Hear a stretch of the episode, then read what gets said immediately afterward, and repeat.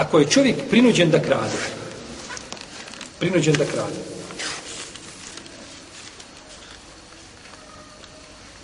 prinuđen da krade, ovo je širok pojam, elastičan. I, je tako, svakoga možete vsiriti na svoj način. Prinuđen da krade je čovjek kada dođe u situaciju da su mu svi putevi zatvoreni i ne može ni odakle, znači da ovaj obezbedi sebi ono što mu treba osnovno. Bez čega se ne može. Što je darura? E onda kada bi čovjek u toj situaciji ukrao, učenjaci složni, kao recimo da je godina gladi, nema nigdje ništa. Allah nas sačuvao iskušenje. Nigdje ništa nema. Možeš imati para koliko hoćeš. Možeš imati milione kući, nemaš odakle nabaviti. Kao što je bilo u vrijeme Omara radijallahu anhu. 17. hiđarske godine je bila godina gladi. Pa je Omer, Omer bi jeo što jedu ljudi.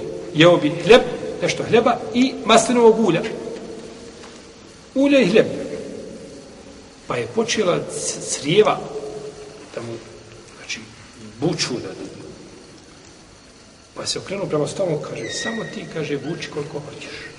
Kaže, nema ti, kaže, dok ne budu ljudi jeli bolje, nema ni tebi. Kad budu moja braća, muhađine, ensari, imali bolje, imat ćeš i ti. A do tada možeš, možeš rad, zapetljaj se, zapetljavajte se i opetljavajte se kako hoćete, ali nema bolje dok se stanje ne promijene. Iako je Omar imao priliku kao halifa, je tako? Uvijek je, je tako? Na, najtoplije, je tako, kod vatre. Međutim, ovaj, to je, to je Omar, gdje Allah.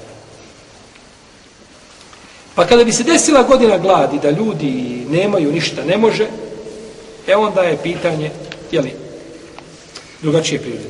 Gleda čovjek svoje dijete na izdisaj. Ili nema jesti, plače, prevrće se. Pa ode u krade, neće biti izvršena kazna zbog toga. Jer tu ima šubha. Tu ima, znači, šubha, a to je, znači, zbog nužde, da je čovjek bio prinuđen. Tako. Da je čovjek bio prinuđen.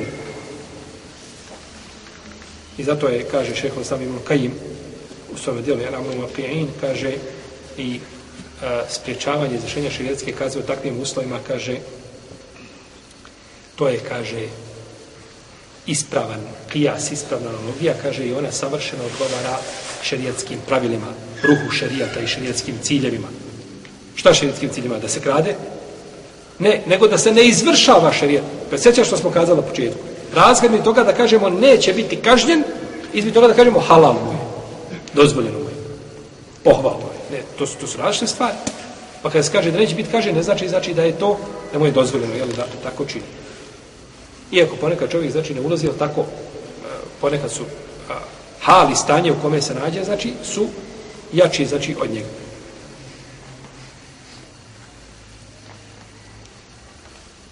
Pa je ova šubha neimaštine i siromaštva i siromaštvo je, to je mlađi brat kufra.